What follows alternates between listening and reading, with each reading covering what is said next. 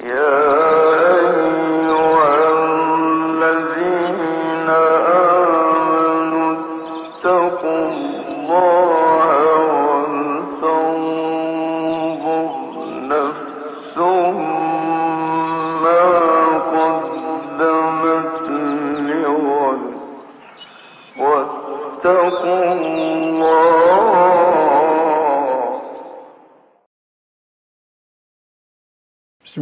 Bismillahirrahmanirrahim. Elhamdülillahi Rabbil alemin.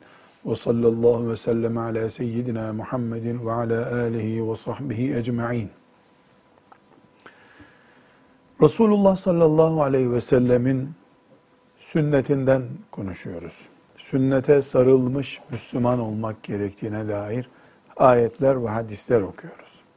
Şimdi okuyacağımız hadis-i şeriflerden e, ciddi bir şekilde düşünmemiz gereken, ibret almamız gereken e, bir ayrıntı ortaya çıkacak. O da şu, Resulullah sallallahu aleyhi ve sellem gelecekteki müstakbel Müslümanlar arasında sünnetinin ihmal edilebileceğine dair bir e, işarette bulunmuş.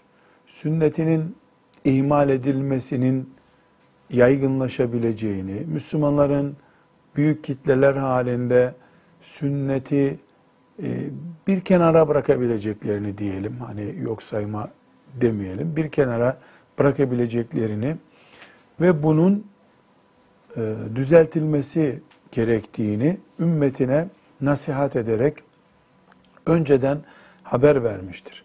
Mesela farklı hadisi şeriflerde e, Resulullah sallallahu aleyhi ve sellem Efendimiz sünneti ihya etmenin önemini vurgulamış. Yani ihya etmek, canlandırmak, taze olarak hayata kavuşturmak anlamında. Sünneti ihya etmek, sünneti canlandırmak, yeniden sünnet anlayışlı e, Müslümanlar olmak konusunda Aleyhissalatü vesselam Efendimizin tavsiyeleri, nasihatleri var. Şimdi bu hadisi şeriflerden e, okuyalım.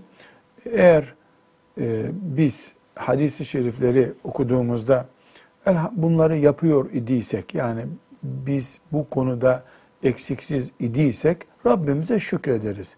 Hayır e, bu hadisi şerifin belirttiği şey bizde bir eksiklikse e, yapacağımız şey belli istiğfar edip Rabbimize döneceğiz. Yanlışımızı düzelteceğiz. İnşallahu Teala. Evet bu manadaki ilk hadisi şerifi dinleyelim. An İbn Abbas radıyallahu anhuma anin nebiyyi sallallahu aleyhi ve sellem ennehu kal. E, İbn Abbas radıyallahu anhuma'dan rivayet edildiğine göre Efendimiz sallallahu aleyhi ve sellem şöyle buyurdu. Men temesseke bi sünneti inde fesadi ümmeti. Her kim ümmetimin bozulduğu bir zamanda sünnetime sımsıkı bir şekilde sarılırsa felehu ecru mi'eti şehidin o kimse için yüz şehit sevabı vardır. Evet. Ümmetimin bozulduğu zamanda sünnetime sarılana yüz şehidin sevabı vardır. Ümmetimin bozulduğu zamanda sünnetime sarılana yüz şehidin sevabı vardır. Önce belirtelim bu hadisi şerif bu metinle e, sahih bir hadisi şerif değildir. Hasan bir hadis-i şerif de değildir. Mevzu da değildir. Yani bu hadisi şerif bir akide meselesi belirtmediği için çok da bunun sahih olup olmadığı konusunda üzerinde durmuyoruz. Hadis zayıf hadisler arasında zikredilmektedir. Buna rağmen bu ikinci mesele. Bu hadisi şerifi anlam olarak güçlendiren başka hadisi şerifler var. Ee, ümmetimin fesada uğradığı zamanda sünneti yaşamak bana hicret etmek gibidir diyen hadis var. Ee, bir sünneti yaşayıp onu başkalarına örnek oluşturan adam kıyamete kadar devam ettikçe o sünnetin izi o sevaplarından hep kazanıyor. Sahih hadis-i şerif.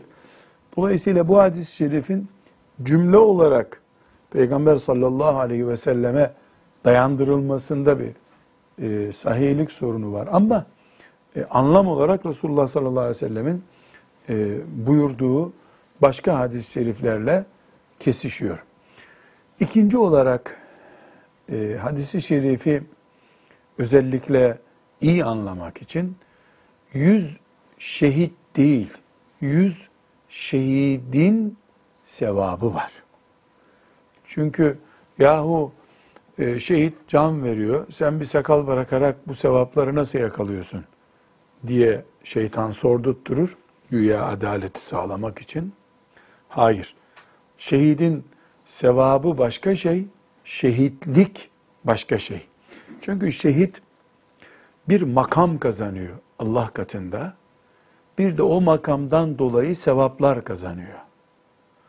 O sevapları mümin başka sebeplerle de kazanabilir. Mesela e, ne diyor? Kadın doğum yaparken, doğum yapan kadın doğum ağrısından, doğum zorluğundan dolayı ölürse onu şehit kabul ediyoruz. Yani sevap olarak bir şehit gibi sevap kazanıyor ama kıyamet günü Hamza şehitlerin başında, Sümeyye şehitlerin başında dirilecek Allah'ın izniyle. Dolayısıyla şehitlikle şehidin sevabı başka şey. İkinci olarak da bu hadis-i şeriften e, bu çıkıyor. E, bir şey mi söyleyeceksin? Hocam evet e, az önce şeytan e, bir sakal bırakmakla işte o şehidin sevabının şehitliğin ecrini nasıl yakalayacağız dedik de burada diye diye bir bahane gösteriyor. yani böyle bir vehim e, uydurur zihinlerde. Burada bir sünneti kelimesi yani herhalde bir sünnetten bahsetmiyor ama değil mi? Bir sünnet Türkçedeki bir sünnet bir değil. Bir sünneti zaten sünnet e, bir sakal sünnetten bir şeydir. Sünnetlerden Sünneti- bir sünnet yani. Sünnet Resulullah sallallahu aleyhi ve sellemin mirası demek. Tamam mı? Tabi tabi mirası demek. Sünnetime ona geliyordum şimdi üçüncü madde olarak. Men temesseke bir sünneti. Sünnetime kim sarılırsa, sünnetlerimden birine değil, sünnetime sarılırsa, yani yaşam tarzı olarak, din pratiği olarak Resulullah sallallahu aleyhi ve sellemin sünnetine kim sahip olursa diye. Üçüncü madde bu. Dördüncü madde ümmetimin fesada uğradığı, bozulduğu zamanda kim sünnetime sarılırsa buyuruyor. Bunlar ne çıkıyor?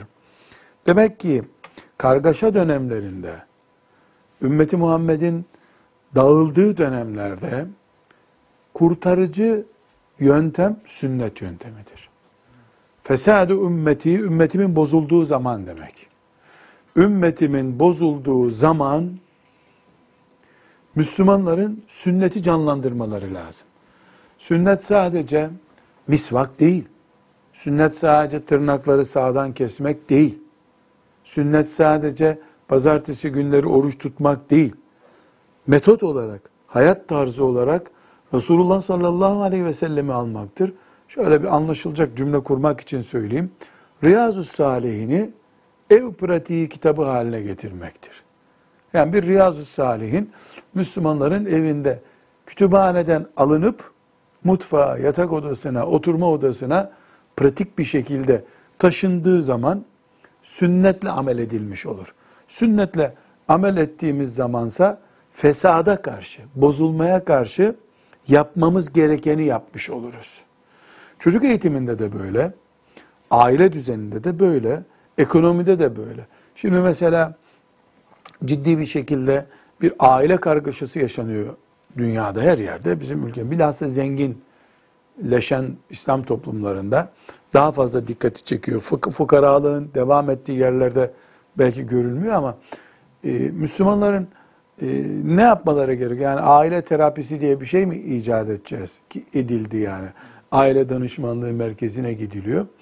E, sadece insanlar teselli bulmaya gidiyorlar. Hayır, aile sahiplerinin Riyazu Salihini önlerine koyup birinci hadisten 1800. hadise kadar Hayatımız bundan sonra bu hadis-i şerife göre. Öyle bir hadis okuyup çekip gitmek değil. Niyet bölümündeki hadisleri okuyup bir mola verip şimdi buyurun hayatımızı yansıtalım. Evlenirken hangi niyete göre evlendik? Niyetimiz neydi bizim? Hadis-i şerif ne diyor? Allah niyete çok şey veriyor diyor. Buyur. Niyetimiz neydi evlenirken bizim? Ne bulduk? Düzeltelim niyetimizi. Peygamber aleyhisselamın vaat ettiğini bulalım. Ailede. Mesela e, cihatta arızalarımız var. Cihadı yapamıyoruz yani Allah'ın kelimesini, Kur'an'ını yüceltemiyoruz. Cihadı tuttuk sadece e, silahın kullanıldığı yerdeki bir iş olarak algıladık. Kurtuluşumuz ne o zaman? Dönüp sünnete dönmek. Buradaki sünnet kelimesi, hafız kardeşimizin de temas ettiği gibi, mesela pazartesi günleri oruç tutmak sünnetlerden bir sünnettir. Sünnetin olduğu gibi kendisidir dersek yanlış olur. Bu neye benzer? Namaz dediğimiz zaman sadece sabah namazını anlamak mümkün mü? Namaz kılıyor musun? Evet kılıyorum. Sabahları kaçırmıyorum. E sen beşte birini kılıyorsun namazın. Namaz kılıyorum deme, namazlardan birini kılıyorum de.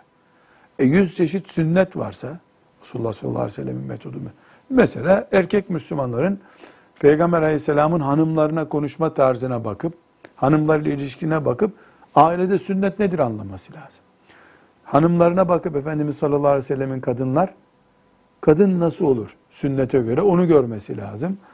Ailece erkek ve kadın Peygamber aleyhisselamın evindeki aile hayatını bugüne uyarlayabilirlerse fesat zamanında, ailenin fesadı zamanında sünneti kurtarıcı olarak yakalamış olurlar. Ben çok daha basit bir, yani basit derken kolay anlaşılacak bir örnek vermek istiyorum. Mesela e, yaşı şöyle 50 yaşında olanlar e, Anadolu kültüründe misafirliğin, kış gecelerinde sohbete gitmenin, birbirlerine insanların yardım etmesinin, yani elinde bir tabakla çocuk geliyor, bizde tuz kalmamış, tuz versene biraz. Ee, işte e, Leyla teyze tuz verecekmişin annem söyledi. Bizim makarnamız kalmamış. Bakkaldan alıyor gibi birbirlerinin mutfağından aldıkları. E, hastaysa birbirlerinin hastasıyla nöb- hemşire gibi nöbet tuttukları bir hayattan apartmanların üst üste konmuş mezarlar gibi. Herkesin akşam kapısını kapatıp içeride Fatiha'sı okunmuş yatmış olarak Müslümanların da oturduğu apartmanlar. Başka e, akımların sahiplerinin oturduğu apartmanlar da dahil olmak üzere insanlığımız ve kardeşliğimiz çok zarar gördü. Kanunlar insan haklarını teminat altına aldı ama bu sefer de insan oğlu birbirine insan diye bakmamaya başladı. Menfaatperest bir toplum oluştu. Bu insanlık namına bir bozulmadır. Ashab-ı kiramın Medine'ye gelen, Yesrib'e gelen e, muhacirlere gösterdiği alaka, akılları durduracak şekilde değil mi doktor abi? Yani akıllar duracak bir şey ya bu. Yardımın ötesinde bir duygu bu. İnsan yardım eder de bu evin yarısı senin der mi ya? 300-400 senedir dedelerinin kullandığı bir bahçenin yarısı senin. Yani bugün akıl durduracak bir şey. Ama biz bir fesat yaşıyoruz. Nedir o fesat? Bozukluk. Yani kardeşlik duygumuz kaybolmuştur. O zaman e, cami imamları, e, muallimler oturup bu bozulmuş zamanda Resulullah sallallahu aleyhi ve sellem ashabının yaşadığı kardeşlik ruhunu yeniden canlandıralım. Riyazu Salih'in önümüze koyalım. Kardeşlikten ne anlaşılıyor orada? Neler yapmamız lazım? Öyle telefonla mesaj gönderip kandilinizi kutlarım demekle ne kardeşlik oluyor ne karın doyuruyor bunlar. Her şey otomatiğe bağlanmış. Bakıyorum e, birisi bana bir mesaj gönderiyor Cuma günü. Öyle bir edebiyat ki o cümleleri, o göndereni tanıyorum. Anlaması mümkün değil. Bir gün bir tanesini yakaladım. Doğru söyle Cuma mesajını nereden yazdın? Bana da gelmişti ben de sana gönderdim diyor.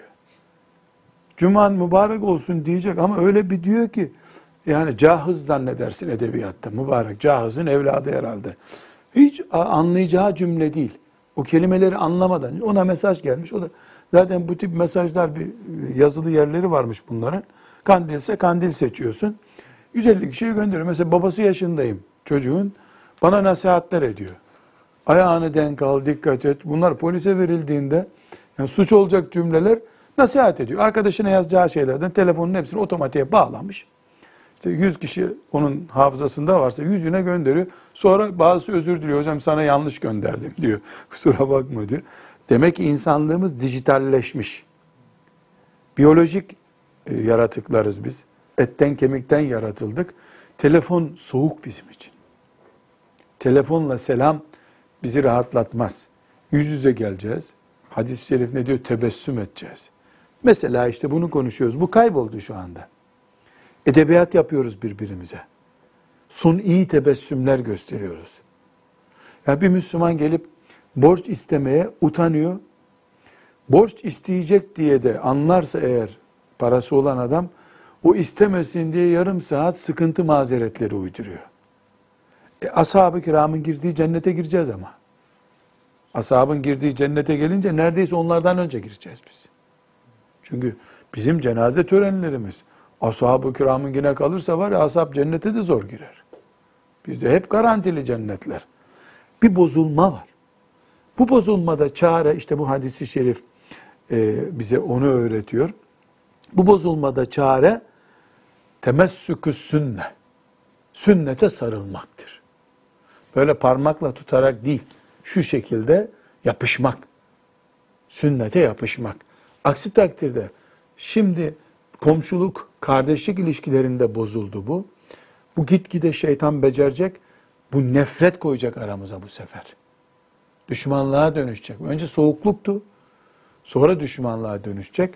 Biz 20 sene öncesinin dünyasını e, yani o zamanki kardeşlik ilişkilerini, sosyal ilişkileri özler duruma düşeceğiz. Halakülle hal bu hadisi şerifte Resulullah sallallahu aleyhi ve sellem Efendimiz e, ümmetinin fesada düştüğü zamanda, fesat ne demek? Rayında yürümüyor işler. Bozuldu, denge bozuldu, huzur yok. Şimdi görüyoruz işte ailede yok. Camide bile yok. Medresede yok. Her şey ticarete dökülmüş. Alimler arasında yok, cahiller arasında yok. Ticarette her şey e, banka teminatına bağlanmış. Ne işçi işveren arasında var, ne iş adamları arasında var. Her şeyin özü, ruhu paraya dönüşmüş bir bozulmadır bu. Bu bozulmayı en çok ailede hissediyoruz. En ağır kokular oradan geliyor çünkü. bu bir bozulmadır, fesattır. Resulullah sallallahu aleyhi ve sellem böyle bir fesat zamanında sünnete sarılmayı gösteriyor. Dördüncü bir boyut burada. Bu sünnete sarılmayı emrediyor sallallahu aleyhi ve sellem. Bağış üstüne ya Resulallah dedik diyeceğiz tabi. 80 milyon Türkiye'yiz mesela sadece Türkiye alsak. E 80 milyonuz biz buradaki 8 kişi karar ettik. Sünnete sarılacağız. Riyazu Salih'inde ne bulursak öyle yapacağız artık. Kabul ettik. E milyonda bir yapıyoruz biz. Dördüncü madde olarak da bunu alacağız. Milyonda bir yapıyoruz. Yani her birimize bir milyonu düzeltmek düşüyor. Olur mu? E, matematiksel olarak bakıldığında olmaz bu. Yani bir milyon insandan bir tanesi düzgün olsa e, geriye kalan büyük kitle onu ezer, kaybolur. Evet toplumu düzeltmeyebiliriz. Bu bize mümkün olmayabilir. Ama biz sünnete sarılarak kendimizi kurtarırız. Nereden kurtarırız? Allah'ın azabından kurtarırız. Biz doğru yolda olmuş oluruz. İbrahim Aleyhisselam da kaç kişiydi ki yola çıktığı zaman? Lut Aleyhisselam kaç kişiydi? Nuh Aleyhisselam kaç kişiydi? Kalabalıkların işi değil bunlar. İhlaslıların işleri. Yani kalabalıklara kaldığında bir şey yok zaten. Ee, Kur'an-ı Kerim'de kaç ayet okuduk geçen derslerde? 50'den fazla ayet kalabalığa umut bağlamamayı yani özellikle Allah'ın samimi kullar illa ibadekel muhlasin illa ibadekel muhlasin muhlis kullar sadece kurtulursa kurtulacak gerisinde büyük sıkıntı var maazallah. Bu sebeple dördüncü maddemiz de çok önemli. Yani ümmet kitlesel bozuntuya uğradı diyelim. Kitlesel bozulmayı kitlesel bir düzelmeye doğru götüremeyebiliriz. E bütün insanlar namaz kılmıyor diyelim Talha Hoca. Hiç kimse namaz kılmıyor. Biz de mi bırakacağız namazı? Peki biz kıldık eksiksiz namazı. Onlar hala kılmıyor. Ne diyoruz o zaman? E ben benim vazifemi yaptım. Şimdi ümmet bozuldu. Ailesinden, ticaretinden, her şeyinden, siyasetinden bozuldu. E biz de bu ümmetten bir parçayız. Elbette düzeltmek için çalışacağız. Bütün ümmeti. Düzeltemedik. E ben hiç olmasın namazımı kıldım. Der gibi ben hiç olmasın sünnete aykırı yaşamamıştım. Deriz Allah'ın izni ve lütfuyla. Bir şey mi Evet hocam. Şöyle bir şey de çıkarabilir miyiz? Madem e, ümmetimin fesada uğradığı zamanda sünnetime sarılan buyuruyor Peygamber aleyhisselam. Sallallahu Demek ki ümmetin fesada uğraması da sünnetleri terk etmekle başlıyor. Elbette. Ya ama sünnet dediğimiz yine Sünnetin misvak tamamı. değil. Kültür olarak Resulullah sallallahu aleyhi ve sellemin kültürü ihmal edildiği zaman kesinlikle fesatta başlıyor demektir. Çünkü Resulullah sallallahu aleyhi ve sellemin sünnetini ölçü olarak yaşamak Allah korkusunu, kul hakkını, ahiret endişesini esas alarak yaşamak demektir. Sünnet kaybolduğunda ahiret endişesi kayboluyor. Allah korkusu kalkıyor. Kul hakkı insanın insana eziyet etmesi diye bir dert olmuyor. Güçlüye düşüyor iş. Resulullah sallallahu aleyhi ve sellem adaletin simgesidir. Onun sünneti de adaletin varlığıdır. Kaldırdığın zaman onu zulüm gelir. Zulümde de güçlü vardır. Parası olan güçlüdür, silahı olan güçlüdür. Yani bireysel manada da o zaman e, işleri iyi gidiyorken sünneti terk eden biri bu ümmetin fesadına sebep olmuş oluyor. E, 80 milyonda bir sorumlu eğer örnek birisi değilse mesela bir siyasetçinin sünnetten kaymasıyla bir alimin sünneti ihmal etmesiyle e, Anadolu'nun bir köyünde bir gariban Müslümanın ihmal etmesi aynı değil. Her ikisi sünnet açısından bir kayıp ama bir alim e, sünneti ihmal ettiği zaman mesela bir alimin sakalsız olmasıyla e, Müslüman Anadolu'nun bir köyündeki bir Müslümanın sakalsız olması aynı şey değil. Biri peşinden kitleleri psikolojik olarak etkiliyor en azından. Yani Resulullah sallallahu aleyhi ve sellemin mirasına karşı e, o hoca efendiyi görmüyor mu? diyor. Yani çocuklar da böyledir, büyükler de böyledirler. E, mesela e, A insan bir günah işlediği zaman o günahı yalnız işliyorsa topluma çıkmamayı ister. Üç kişi daha işliyorsa dört kişiyiz diye rahatlar. Meşhurlardan birisi de işliyorsa yasal hakka dönüşüyor zaten. Ondan sonra hak diye bakıyor ona.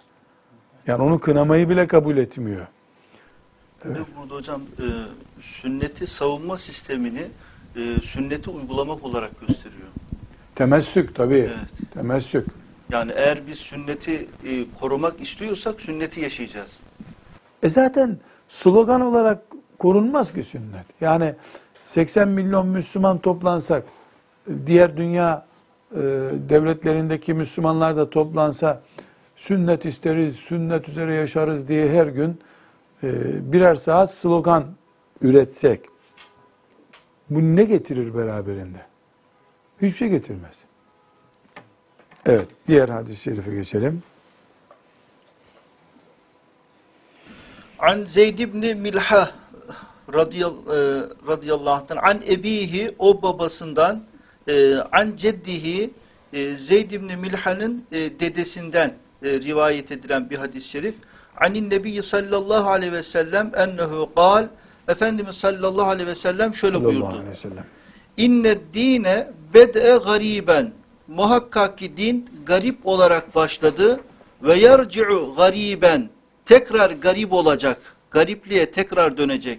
Evet. Fetuba lil gurabai. Gariplere müjdeler olsun. Peki kim bu garipler? Ellezine yuslihune ma efseden nasu min ba'di min sünneti. Benden sonra sünnetimden insanların bozmuş olduğu şeyi düzeltenlerdir. Evet. Bu hadisi şerif ana ravisi Tirmizi'dir. Ee, bu hadisi şerifi e, ciddi bir şekilde e, zihnimize nakşetmemiz gerekiyor. Resulullah sallallahu aleyhi ve sellemin mucizevi ifadelerinden birisi. Din garip başladı ve yine garip olacak. Gariplere müjdeler olsun. O garipler ki insanların bozduğu sünnetimi tekrar canlandıracaklar. Bir kere Resulullah sallallahu aleyhi ve sellem Efendimiz ümmetine hayali şeyler söylememiştir. Bir. iki, ümmetini geçiştirecek sözlerle de oyalamamıştır. Geldik, şirkin başını ezdik, gördüğünüz gibi Mekke'yi de fethettik ey ümmetim, artık hac serbest, Kur'an okuyun hepiniz, yeryüzüne nur geldi, hidayet geldi, tamamdır artık demedi. Ne buyurdu ya? Din bir zamanlar Ebu Cehil'in korkusundan, Ebu Cehil'e endişeden dolayı, Ebu Leheb'in baskısından dolayı ne ezan okunabiliyordu, ne Kur'an okunabiliyordu, ne de insanlar ben Müslümanım diyebiliyorlardı. Büyük bir gariplik vardı. Bilal garipti radıyallahu anh. Ammar garipti. Sümeyye garipti. Yasir garipti. Garip başladı din. Sonra güçlendi. Mekke'yi fethetti. Arap Yarımadası oldu olduğu gibi. Resulullah sallallahu aleyhi ve sellem bu manzara gününde din garip başladı. Şimdi güçlüdür. Tekrar garipliği söz konusu olacak buyuruyor. Tıpkı ne gibi? Kış günü çıktık yola. Baharı ve yazı görüyoruz. Fakat ucunda bunun kış tekrar geliyor hazır olun. Kış geliyor. Ne demek bu aynı zamanda? Kış tekrar gelecekse bahar da tekrar gelecek demektir. Din garip başladı. Zafere erdi. Gariplik tekrar gelecek. Zafer tekrar gelecek. Gariplik tekrar gelecek. Bu döngü böyle kıyamete kadar devam edecek demektir bu. Resulullah sallallahu aleyhi ve sellem hakikatların peygamberi olduğu için aleyhissalatü vesselam öyle tamam gördünüz mü nasıl hallettik bu işi deyivermedi. Bakın bundan sonrası var buyurdu. Gariplik tekrar gelecek. Nedir gariplik? Gene Bilal ezan okuyamayacak. Nitekim e, Moğollar döneminde böyle oldu. Haçlılar döneminde böyle oldu. Endülüs'te böyle oldu. İstanbul'da hilafetten sonra böyle oldu. Fakat ümmet bu sözden ne anlıyor? Merak etmeyin. Kış geldiyse bahar da gelecek. Bahar geldiyse kış da gelecek. Bu dönecek böyle. Tek düz çizgi üzerinde değil tarihi insanlığın. Şimdi aleyhissalatü vesselam Efendimiz önce bunu perçinliyor. Ne diyoruz? Resulullah sallallahu aleyhi ve sellem yüzde yüz hakikatları konuştu. Ümmetini oyalayıcı sözler söylemedi. Mesela Deccal'dan söz etti değil mi? Mesela gelecekteki yaygınlaşacak günahlardan söz etti. Zinadan, kumardan vesaireden söz etti. E Medine'de bunları konuştuğu zaman aleyhissalatü vesselam Efendimiz belki de ashab-ı kiram düşünmüşlerdir ya bir daha dünyada kim içki içer ya? Ya bu kadar. Hele Medine'de kim içki içer? Düşünmüşlerdir. Allah onlardan razı olsun. O kadar güçlü bir dönüşüm oldu İslam'a. Ama aleyhisselam Efendimiz onları gerçeklerle yüzleştirdi. Yani ayağınızı tam basın, işi ciddiye alın. Yarın bu fesat geri gelir. Çünkü dünya yuvarlak bir e, zeminde döndüğü gibi, dünyanın bir yörüngesi olduğu gibi, insan da dünyanın etrafında adeta dönüyor. Bu dönemlerde e, insanlar yani İslam'ın garipleştiği dönemde önce sünneti terk edecekler. Dinden çıkmak daha sonraki merhale. Çünkü dinden çıkınca zaten ümmetlikten çıkıyorsun. Sünnet dediğin yani bu işin kabuğu ya da işte sünnet can damarı değil. Hani parmak gibi bir şey kesilse de gene hayat devam ediyor. Kalp gibi, beyin gibi değil. Düşünecek insanlar. Halbuki e, ikide bir parmağını kesersen e, kan hayatından gene gideceksin sen. Ama insanlar bunu böyle düşünmeyecekler belki. Bu dönemde, gariplik döneminde insanların zayi ettiği sünnetlerin ıslah edilmesi için, yeniden hayata kazandırılması için yapılacak mücadeleyi sallallahu aleyhi ve sellem müjdelenmiş Müslümanlardan kimseler olarak önümüze koyuyor. Yani kim insanların sünneti ifsad ettiği zamanlarda ıslah ederse, ifsadın karşısı ıslahtır. Islahın karşı tarafı da ifsattır. Kim ıslah ederse فَتُوبَا lehum. Onlara müjdeler olsun. Burada e, ümmetimin yani Müslümanlığın garip başlayacağını bilmemiz birinci nokta. Bunun tekrar geri geleceği ikinci nokta. Tekrar geri geleceği garipliğin vesaire bu dön, dönme süreci bir hakikat. Bir hakikat daha Efendimiz sallallahu aleyhi ve sellem zımnen sünnetin önce ezileceğini, sünnetin ihmal edileceğini bize haber vermiş oluyor. Bu sebeple de e, bizim Müslümanlar olarak umumi manada sünneti koruma mücadelemiz aslında İslam'ı koruma mücadelemizdir. Ve bu gariplik sürecinden çıkmamız için de kurtarıcı reçetemizi bir kere daha anlıyoruz ki Resulullah sallallahu aleyhi ve sellemin sünnetidir. Ama ben Talha hocam özellikle e, yani bunu tekrar vurgulayalım istiyorum. Yani sünnet bin parça ise mesela bunun hiçbir tanesi değersiz değildir. Çünkü Resulullah sallallahu aleyhi ve selleme aittir. Ve bütün sünnetleri bir Müslüman yapamayabilir. Arızalar olabilir. Takati yetmeyebilir. Nefis terbiyesi henüz o noktaya gelmemiş olabilir. Bunda çok büyük bir sorun yok. Önemli olan idrak olarak, anlayış olarak sünneti ciddiye alıp almamama meselesidir. Bir Müslüman eğer sünneti ciddiye alıyorsa, ya Resulullah demek sünnet kardeşim diyebiliyorsa, ondan sonra mesela öğlenin ilk sünnetini camiye geç kaldığı için kılamadı. Sonra da farzdan sonra kılmakta e, yetişemem işe diye çekindi kılamadı. Yani bunun Müslümanlığına bir zarar gelmez. Sevabından kaybı vardır bunun. Sevap kazanır. 100 sevap kazanacaktı, 85 sevap kazanır. Misal. Ne kadar olduğunu bu rakamların bilmiyoruz. E netice olarak bir Müslümanız biz elhamdülillah. Peygamber aleyhisselam efendimizin sünnetinin topluca zihinlerden kayma riskini hep öne çıkarmamız lazım. Yoksa tek tük sünnetlerde mesela e, bilhassa çocukların e, diyelim ki namaz sünnetlerini örnek alalım. Yani çocuklara namazı alıştırırken öğlenin sünnetini kılmadı çocuk ya da sabahleyin e, dört rekatı kıl desem kılmayacak. Naz yapacak. Bari iki rekat desem.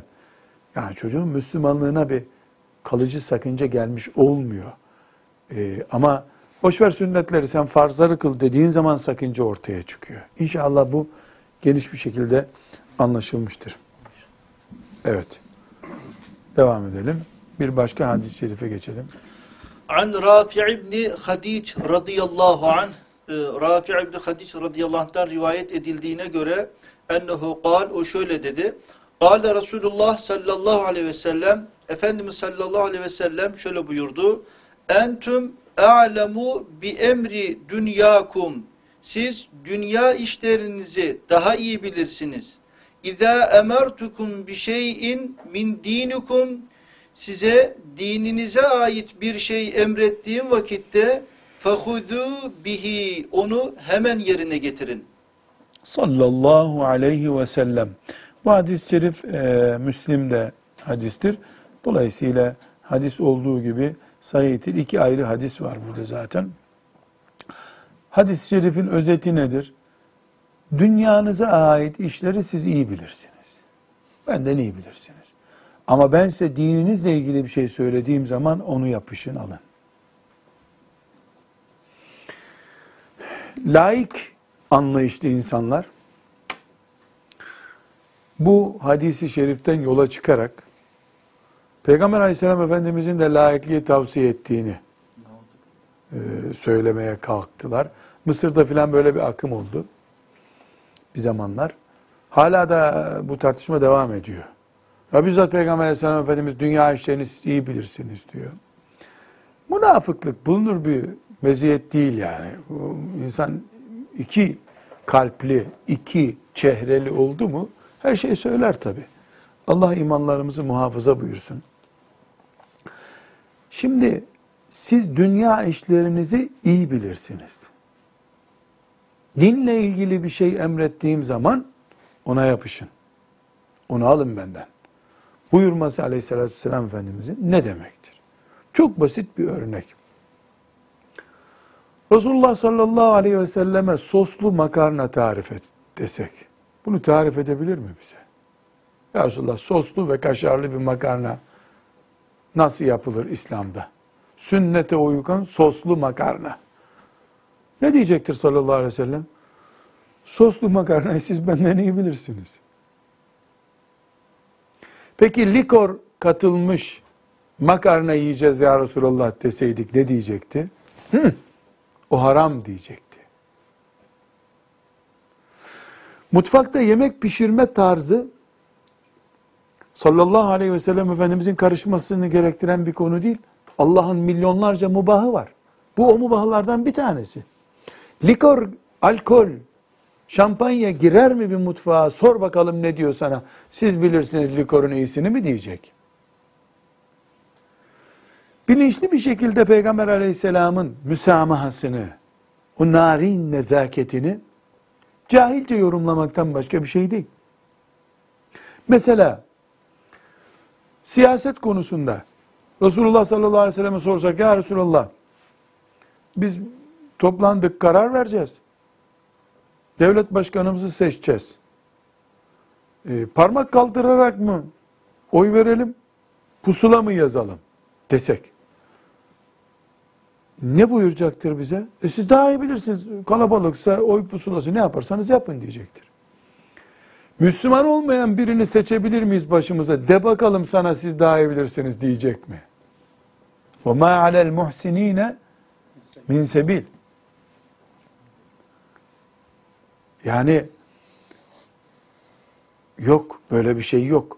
Bu bile bile Resulullah sallallahu aleyhi ve sellem Efendimiz'i labali bir şekilde anlamaktır. Yani biz Müslüman olarak Resulullah sallallahu aleyhi ve sellem bize şöyle de yapabilirdi. Aldığınız her nefes bana göre uygun olacak. Nasıl Müslümanlık yaşayacaktık o zaman? Ya Resulallah bizim yatağımız sünger mi olsun, pamuk mu olsun, ne olsun diye sorsak, cevabı bellidir. Siz daha iyi bilirsiniz, doktora sorun diyecek. Sabah namazına kalkmayı engellemesin de nasıl olursa olsun diyecek.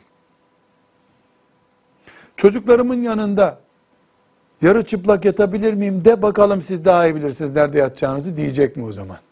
Hayır. Çünkü ayet küçük çocukların da olsa yatak odasına girmelerine sınır getiriyor. E yatak odası ya Resulallah güney cephesine mi baksın evimizde, kuzey cephesine mi baksın? Siz bilirsiniz, doktora sorun. Trafik gürültüsü nerede yoksa o tarafa koyun rahat uyursunuz diyecek. Karışmayacak. Ya Resulallah ayaklarımız kıbleye uzansın mı de bak nasıl müdahale ediyor o zaman. Dinimizin yani şeriatımızın bize açtığı bir geniş alan var. Bu dünya kadar geniştir. Bunun içinde kırmızı çizgili alanlar koymuş. Alkoller, fuhuş, e, namaz ihmali, ebeveyne karşı saygısızlık. Bunlar kırmızı çizgileri şeriatın. Bu çizgilere yanaşmadığın zaman dünya serbest. Ya Resulallah biz e, kivi mi dikelim, hurma mı dikelim bahçemize diye sorsak, bize diyeceği şey, onu ziraat mühendisine sorun, burada hangisi büyür? Peygamber sallallahu aleyhi ve sellem buyurmadı ki, Medine'de ya hurma dikersiniz ya da yediğiniz haram olur. Böyle bir şey yok ki. Nitekim hurma konusunda da benzeri olmuş. Aşı yapıyormuş ashab-ı kiram. E, bunu yapmasanız olmaz mı demiş. Ya bir bildiği vardır peygamberimizin diye yapmamışlar. Ziraatten anlamıyor çünkü Efendimiz sallallahu aleyhi ve sellem. Öbür sene meyveleri vermemiş ama. O zaman yine böyle bir cümle kuruyor. Entum a'lemu bi emri dünyakum. Siz ziraatı benden iyi bilirdiniz demiş. Ama iyi hurma ile kötü hurmayı farklı kilolarla değiştirme mesela e, hurma 3 sınıf diyelim. Birinci sınıf 20 lira fiyatı. ikinci sınıf 15 lira. Üçüncü sınıf 10 lira. Elmada da öyle değil mi? Mesela kirazda hepsinde fiyat farkı var. Şimdi ne yapıyor çiftçi? Değiş tokuş yapıyorlar. Mesela o iyi kıpkırmızı elmadan bir kilo veriyor. Ondan o beyaz yarı çürük elmadan 2 kilo alıyor. Bu değiş tokuş haram. Bu faizin çeşitlerinden biri bu. Ona bak nasıl müdahale ediyor. Mesela Bilal'in elinde farklı hurmalar. Ne yaptın Bilal? Şu iyi olmayanları verdim, iyi olanlarını aldım demiş. Yani bir sepet vermiş, yarım sepet almış. Ne yaptın sen Bilal diye ikaz etmiş onu. Bu bir faiz çeşidi çünkü. Ee, mesela köylülerde e, madem yerini açtık şeriatımızın bir ince meselesini şey abi köylerde mesela buğday alınır. Siz Konyalısınız değil mi Ali abi? Sizde meşhurdur bu. Şimdi mesela o sene bir sorunu vardır tarlasında e, sen bana işte 100 kilo buğday ver der. Değil mi? Böyle yani bir ödünç alınır. Onu geri 100 kilo ödemesi lazım. Ya sen bana 105 kilo verirsin bunu artık diye anlaştıkları zaman o 5 kilo faizdir. Nasıl parayı 100 lira verip 105 lira geri almak faiz haram, gıdada da böyle bu. Verdiğini aynen geri alacaksın. Çünkü bu bir ödünç işlemidir. Gıdada da olsa ödünç işleminde kiloyla alınan veya işte kovayla, tenekeyle neyse alınan şey alındığı gibi geri verilmesi gerekiyor. Bu bölümü şeriatımızın böyle bir faiz e, emri olduğu ne yazık ki yani çok ihmal ediliyor.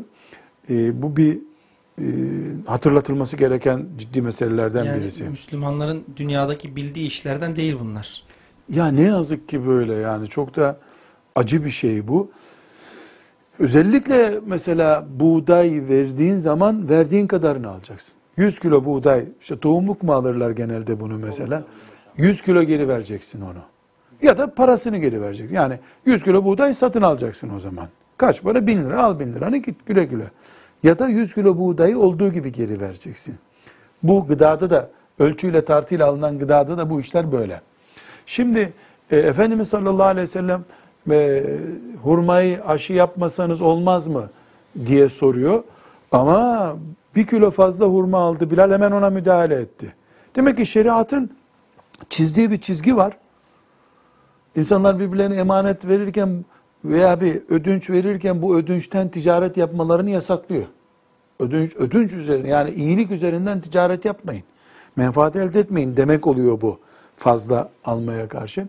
E bu buna müdahale ediyor Efendimiz. Hem de şiddetli bir şekilde müdahale ediyor. Olmaz bu diyor.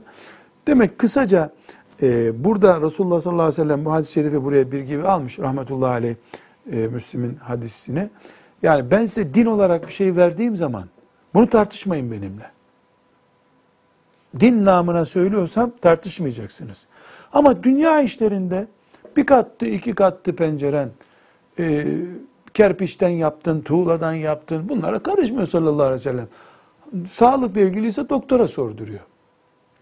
E, ziraatla ilgiliyse anlayana sorun, tecrübesi olana sorun buyuruyor. Bu Efendimiz sallallahu aleyhi ve sellemin bir yandan hayatı ne kadar değerli tuttuğunu gösteriyor. Ehline sorduruyor. Nasıl olsa benim sözüm dinleniyor diye ya bu tarafa ekim bunları demiyor. Bunu sizin anlamanız lazım diyor. Bu aynı zamanda Hafız Salih entum a'lemu bi emri dünyakum sözünden ne çıkıyor biliyor musun?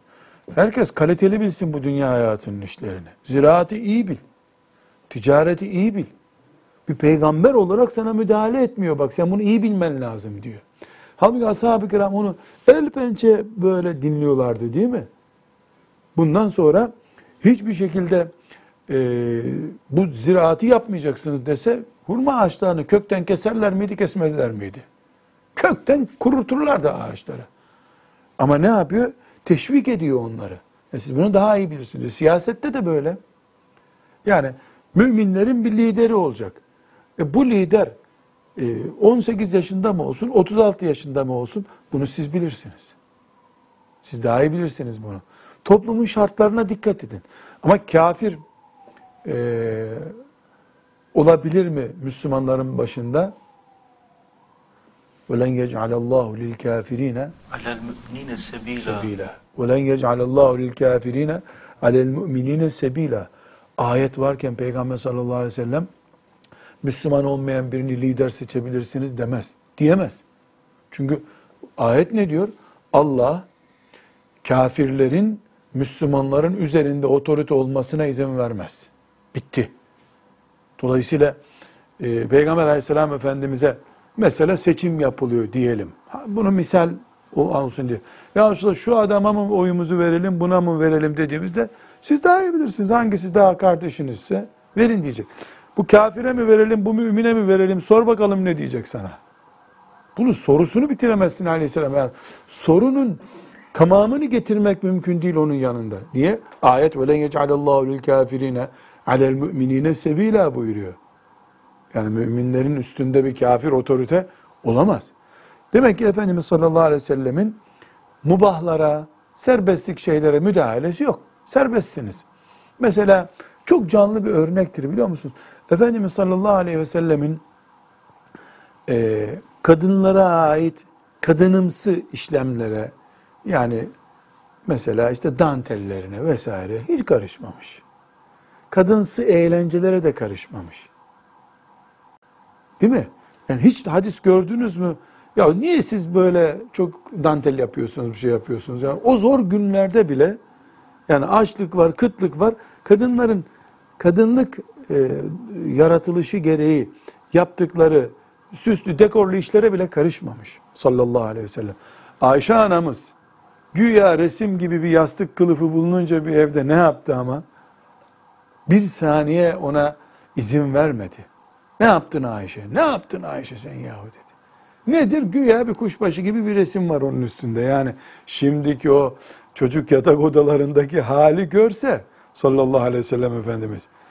Yani şeriatının haram dediği 10, 20, 30 tane başlık var diyelim. Bunlara müsamaha yok. Hayatın içinde hiçbir işe de karışmışlığı yok. Bunları bütün hepsini ne için okuduk? Müslim'deki hadisi şerifin entum a'lemu bi emri dünyakum İza emartukum bi şey'in min dinikum fehuzu bihi. Siz dünya işinizi daha iyi bilirsiniz. Soslu makarna nasıl yapılır bunu herkesten iyi bilirsiniz. Niye ben size soslu makarnaya mani olayım, tarif edeyim ki? Ama likör karışmış bir şeyi sofranıza getirmek söz konusu olunca şeriat devreye girecek. Hayır, o yok. Onun dışında önce çorba içecektiniz, sonra makarna yiyecektiniz. Hiçbir şekilde buna müdahale yok.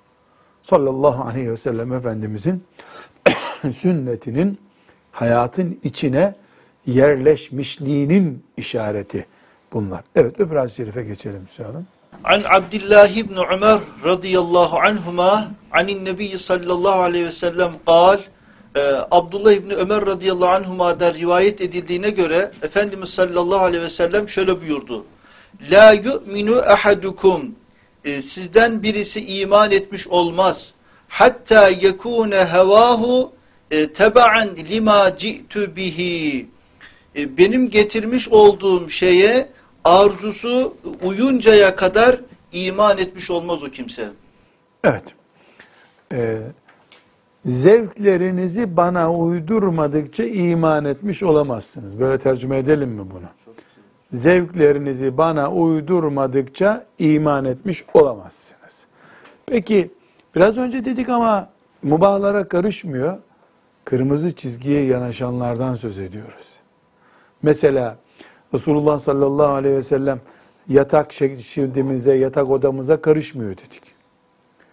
Saat birde mi yatacaksın, dörtte mi yatacaksın ona da karışmıyor. Sabah namazının vakti çıkmaya başlayınca karışıyor mu? Ha, uyku bir zevk mi? Zevk. O zevki onun namaz emrine uyduracaksın. Lima ci'tu bihi benim getirdiğim şey nedir? Kur'an. Sünnet, şeriat, din. Neyse adı. Resulullah sallallahu aleyhi ve sellem bir dinle geldi. Zevkleriniz o dine uyacak. Peki güzel. Ee, ekmek yememize karışıyor mu Resulullah sallallahu aleyhi ve sellem? Peki ekmek yemesek de pide yesek buna karışıyor mu? Karışmıyor. Peki yedik yedik nefes borusu tıkanmak üzere neredeyse. Karıştı mı? Karıştı. İş harama doğru gitti çünkü. Hani ekmeğe karışmıyordu? Ya midene giren ekmeğe karışmıyor. Miden dolmuş nefes borusuna kaçacak neredeyse. Hala sen yiyorsun. Karışır orada. Karışır. Dolayısıyla Resulullah sallallahu aleyhi ve selleme uydurulmuş zevklerde bir sıkıntı yok.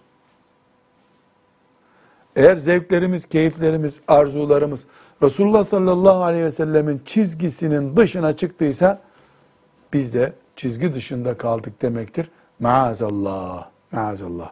Evet bir hadis-i şerif daha okuyalım. An Abdullah ibn Ömer radıyallahu anhuma e, ennehu sallallahu aleyhi ve sellem kal. Abdullah İbni Ömer radıyallahu anhuma'dan rivayet edildiğine göre Efendimiz sallallahu aleyhi ve sellem şöyle buyurdu. لَيَأْتِيَنَّ عَلَى ümmeti kema eta ala beni İsrail'e hadven na'li bin na'li. İsrail o İsrail oğullarının başına geldiği gibi gelenler benim ümmetimin başına da gelecek elbette. Burada bir duralım hocam. Hadis-i şerif biraz uzun. Şimdi bu hadisi şerifte e, İsrail oğulları diye bir kavram geçiyor. Çok kullanıyoruz İsrail oğullarını. İsrail oğulları Musa aleyhisselamın kavmidir. E, not tutanlar için notu zikredelim. İsrail, Yakub aleyhisselamın lakabıdır. İsrail. Lakabıdır. İbranice bir kelime bu. İsrail oğulları, Yakub oğulları demek. Bu manada. Burada bir garipliğimi ki siz de bunu gariplik olarak göreceksiniz. Burukluğumu dile getirmek istiyorum. Biz İsrail diye lanet ettiğimiz devletin ismi bir peygamber ismidir. Kendi yaşadığımız devletten İslam kelimesini sildik. Hainler bir peygamberin ismini devlet ismi yaptılar. Biz de şöyle İsrail, böyle İsrail diye lanet ederken fark etmeden bir peygamberin ismini anıyoruz. Çirkin bir izafet yapsak Allah muhafaza buyursun bir peygamberin ismine gidecek. İsrail devletinin bayrağındaki yıldız da Davut Aleyhisselam'ın mührüdür. Yani İsrail tam bir din devleti. Ama Siyonistlerin dininin devleti. Musa Aleyhisselam'ın dininin değil. Musa Aleyhisselam da İsrail oğullarının peygamberidir. Evrensel bir peygamber değildir. Kendi kabilesinin peygamberidir. Aleyhisselam. Bu onun için bir nakisa değil. Beş büyük peygamberden bir tanesi çünkü. İsterse bir kişiye peygamber olsun. Kelimullah. Yani Allah'ın en büyük beş kulundan biri. Musa Aleyhisselam'ın adına bir düşüklük yok burada haşa.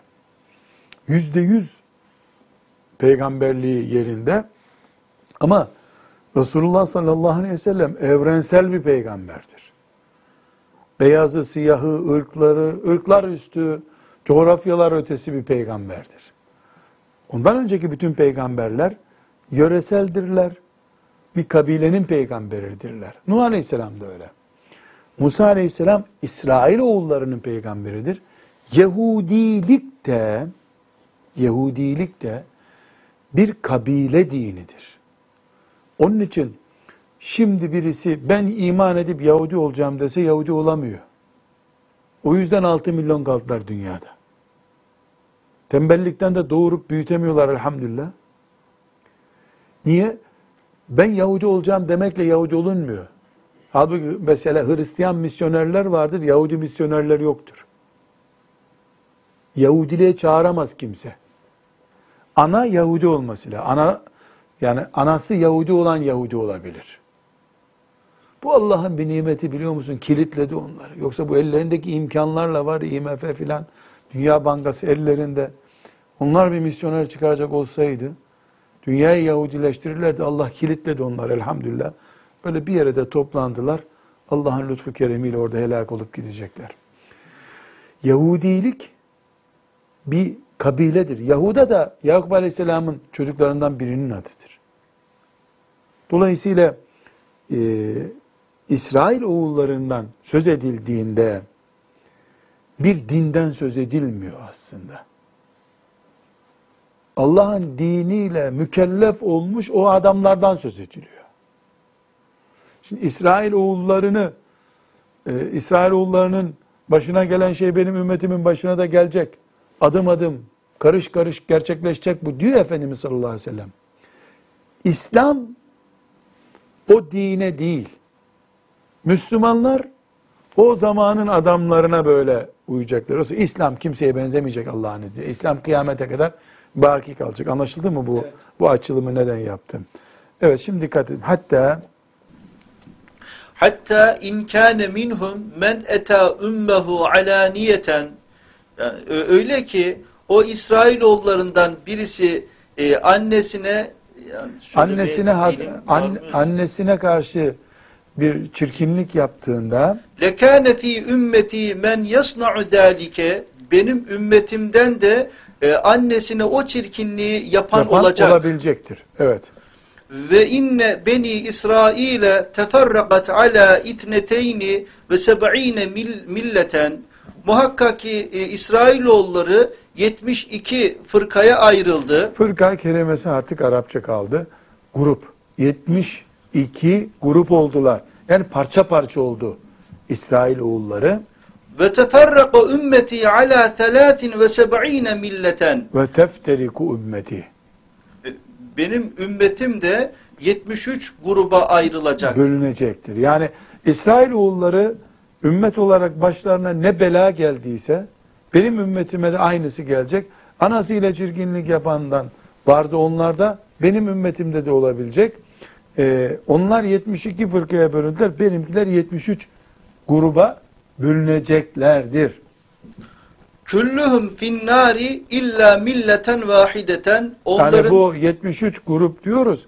Bunların hepsi cehennemlik olup bir tanesi kurtulacak. Galu men hiye ya Resulallah Ee, ya Resulallah bu e, tek yani hepsi gruba helak olacak da biri biri kurtulacak. Kimdir bu? Bir kişi, bir grup. Kal ma ene aleyhi ve ashabi benim Evet. ve ashabım yolunun üzerine olanlar. Benim ve ashabımın bulunduğu stilde bulunanlar hariç. Burada tabi ana konu Resulullah sallallahu aleyhi ve sellemin lisanında Yahudiler çok parçalandılar. Benim ümmetim de parçalanacak. Yalnız bu parçalanmadan hepsi cehennemlik yuvarlanıp gidecekler. Bir grup kalacak. Buyuruyor sallallahu aleyhi ve sellem Efendimiz. Kim sorusuna da ben ve ashabım sistemine devam ettirenler. Yani benim ve ashabım bulunduğu sistemi devam ettirenler. Bu başka bir bölümde tekrar gelecek bize. Ben ve ashabımın bulunduğu sistemde bulunanlar şüphesiz her bölünen biziz o peygamberin peşinden giden diyerek e, kendini savunacaktır. Bu konuya müstakil bir vakitte tekrar dalacağız inşallah. Çünkü hem ehli sünnet kelimesi hem kavram olarak ehli sünnet hem ashab-ı kiramın yolundan gitmek iddia olarak e, söylenmesi kolay, pratik olarak yaşanması zor bir şey. O pratik yaşanmayı da e, ispat etmek için neler yapmak gerektiği konusunda farklı derslerde duracağız inşallah. Rabbim Resulullah sallallahu aleyhi ve sellemin sünnetini atar toplar damarlarımız kadar yakınımızda ve içimizde hissederek yaşamayı hepimize müyesser etsin diyorum. Çünkü çok kolay bir şey değil bu. Ancak Allah'ın lütfuyla yardımı murad ettiği kullarının becerebileceği bir şeydir. Ve sallallahu ve sellem ala seyyidina Muhammed ve ala alihi ve sahbihi ecma'in velhamdülillahi rabbil alemin. يا